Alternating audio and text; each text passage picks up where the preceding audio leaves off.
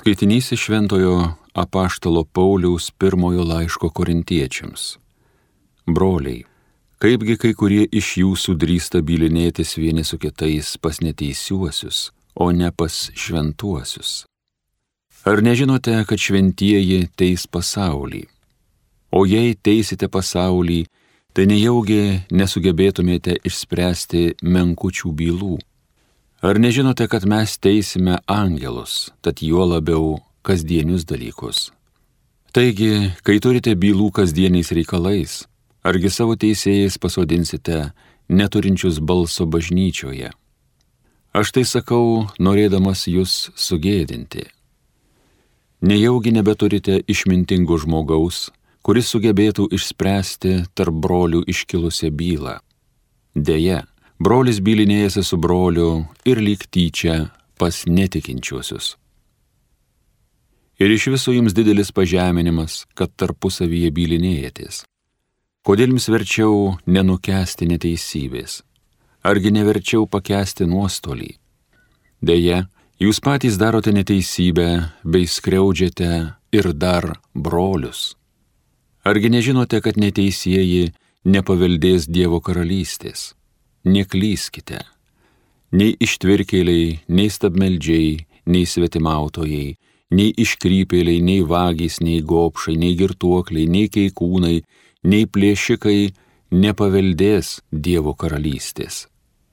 Kai kurie buvote tokie, bet dabar esate nuplauti, pašventinti, nuteisinti viešpaties Jėzaus Kristaus vardu ir mūsų Dievo dvasia. Tai Dievo žodis.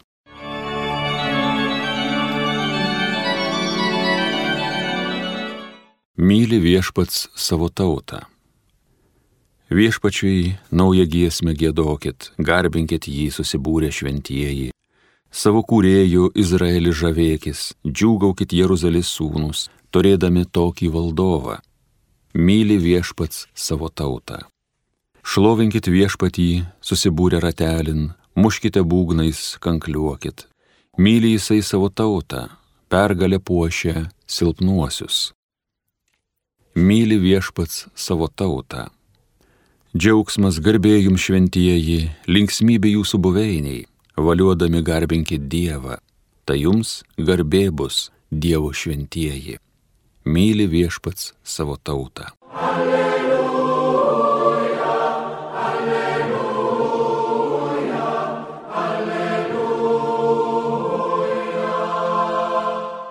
Aš jūs įsirinkau ir paskyriau, kad eitumėte, duotumėte vaisių ir jūsų vaisiai išliktų, sako viešpats. Alleluja, alleluja, alleluja. Pasiklausykite Šventojios Evangelijos pagal Luką. Tomis dienomis Jėzus užkopė į kalną melstis. Ten jis praleido visą naktį, melzdamasis Dievui. Išaušus rytui jis pasišaukė savo mokinius ir iš jų išsirinko dvylika, pavadindamas juos apaštalais. Simoną, kurį praminė Petru, jo brolį Andriejų, Jokūbą ir Joną, Pilypą ir Baltramiejų, Matą ir Tomą, Alfėjaus sūnų Jokūbą ir Simoną, vadinamą Uoliuoju, Jokūbo sūnų Judą ir Judą Iskarijotą, vėliau tapusi išdaviku. Jis nužengė su jais nuo kalno ir apsistojo lygioje vietoje. Ten buvo gausus jo mokinių būrys ir didelė daugybė žmonių iš visos Judėjos ir Jeruzalės, iš Tyro ir Sidono pajūrio. Jie susirinko jo pasiklausyti ir pasigydyti nuo savo lygų. Buvo pagydomi netyrųjų dvasių varginamieji, Visamina stengiasi jį paliesti, nes iš jo ėjo gale ir visus gydė. Girdėjote viešpaties žodį.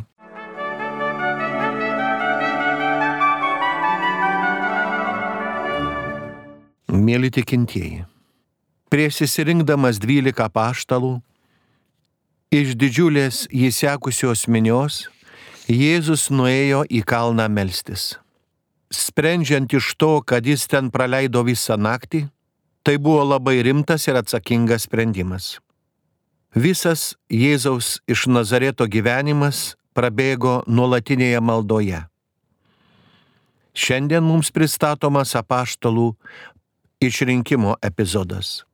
Evangelistas Lukas iškilmingai išvardina juos vardais, kad žinotume, jog viešpat savo bažnyčią grys būtent šiais vyrais.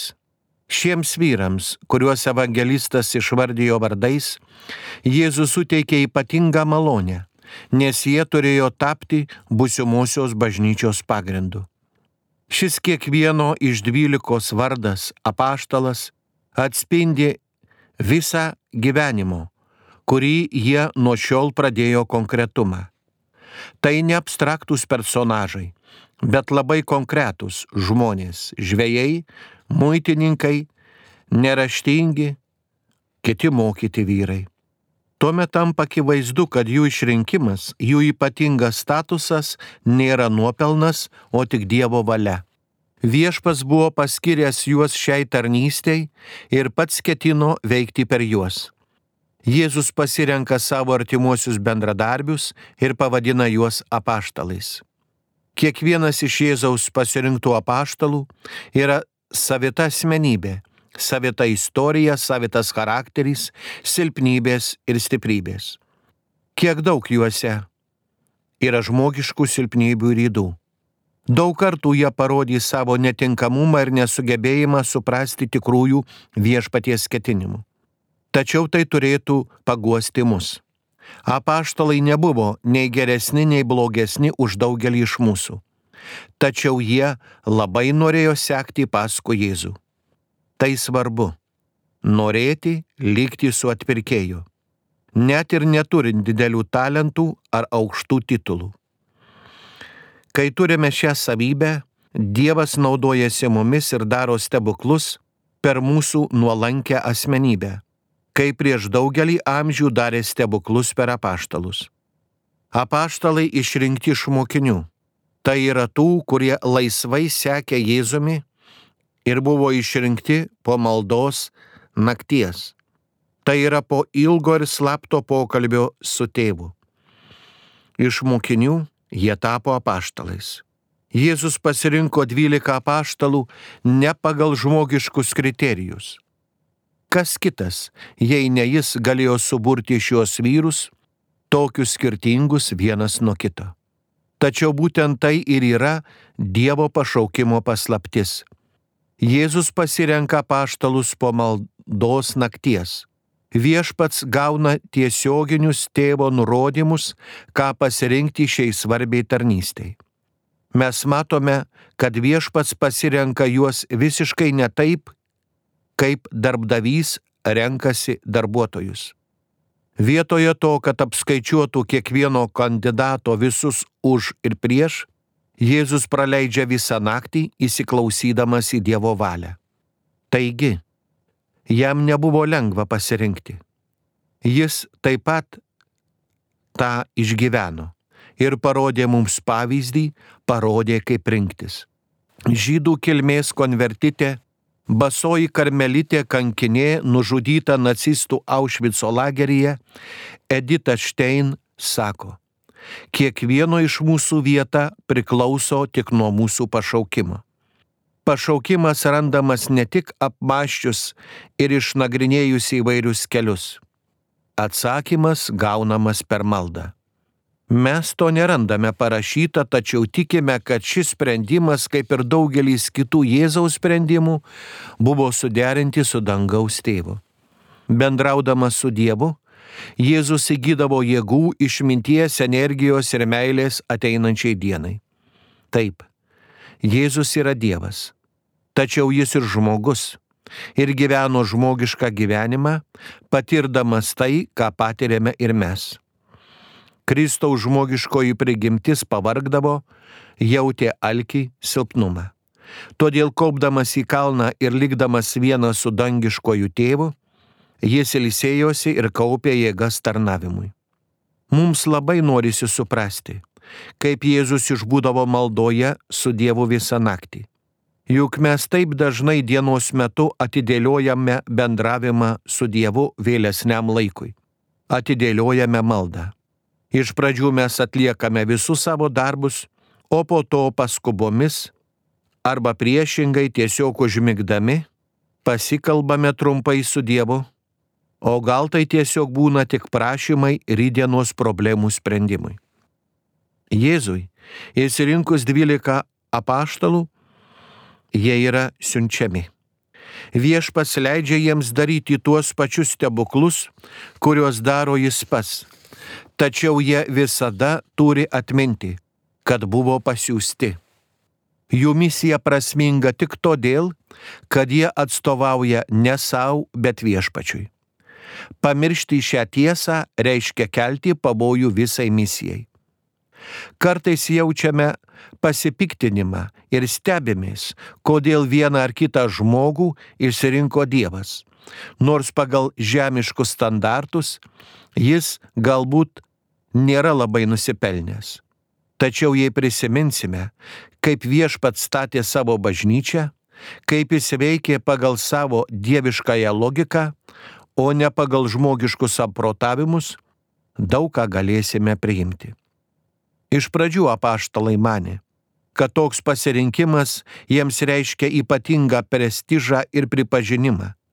Tik ilgainiui jie suprato, kad sekti Jėzumi reiškia būti pasirengusiems atiduoti savo gyvybę taip, kaip tai padarė Jis. Išgerti jo taurę ir būti pakrikštytam krauju.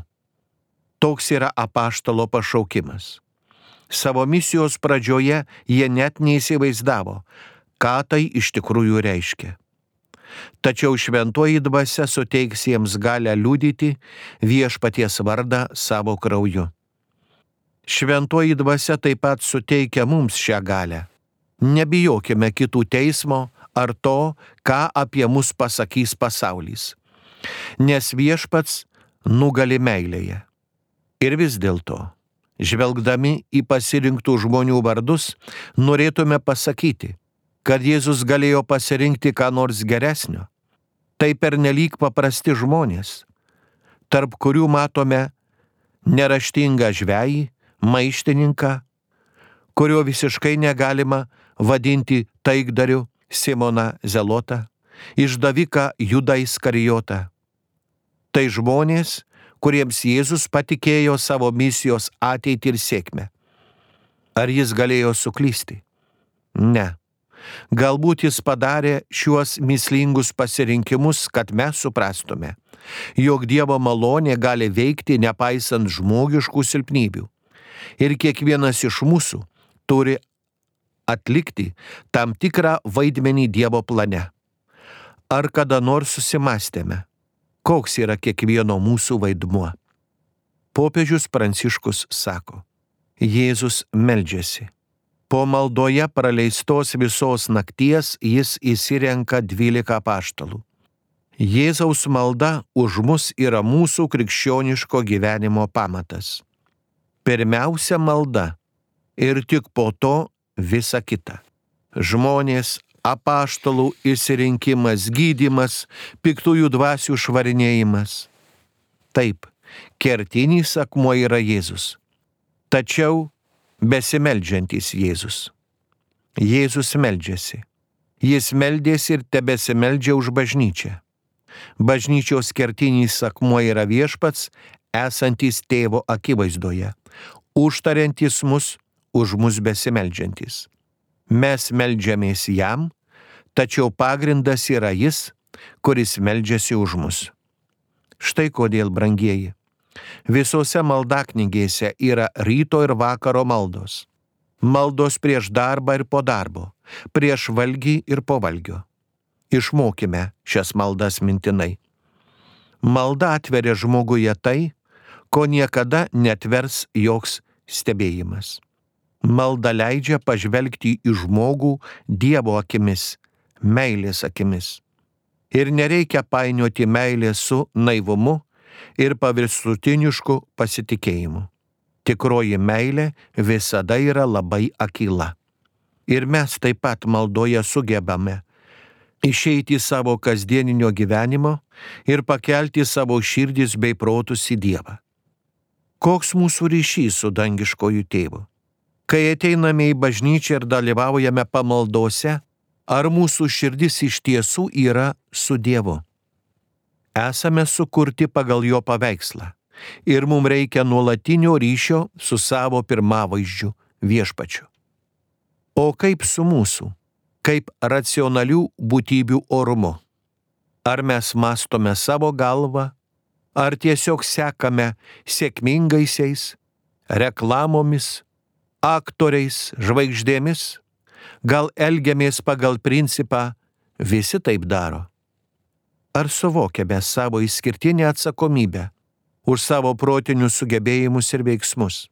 Esame racionalios būtybės, todėl gebame mąstyti, samprotauti, priimti sprendimus ir prisimti už juos atsakomybę, todėl kad esame ypatingi. Nesunku pastebėti, kad mūsų pasirinkimai ne visada yra tobuli. Tačiau pažvelkime į Jėzų ir pažiūrėkime, kaip jis tai padarė. Jis pasirinko Judą, kuris vėliau jį išdavė. Bet tai nereiškia nesėkmės.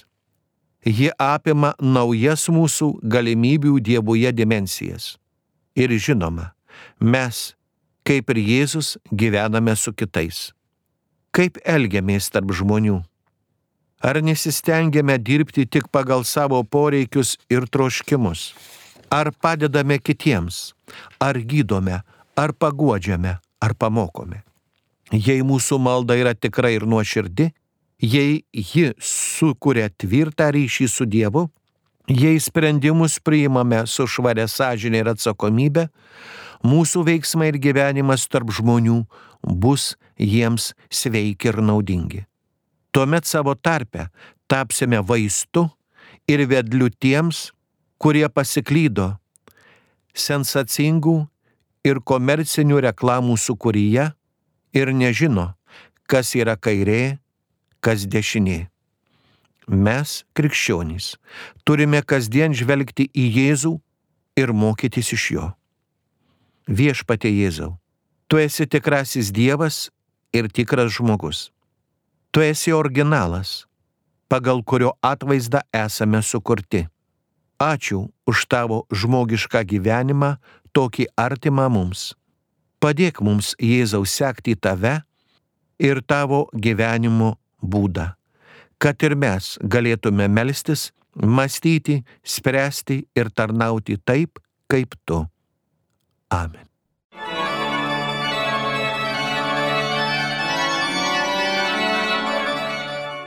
Homilija sakė teologijos mokslų daktaras monsinjoras Artūras Jėgelavičius.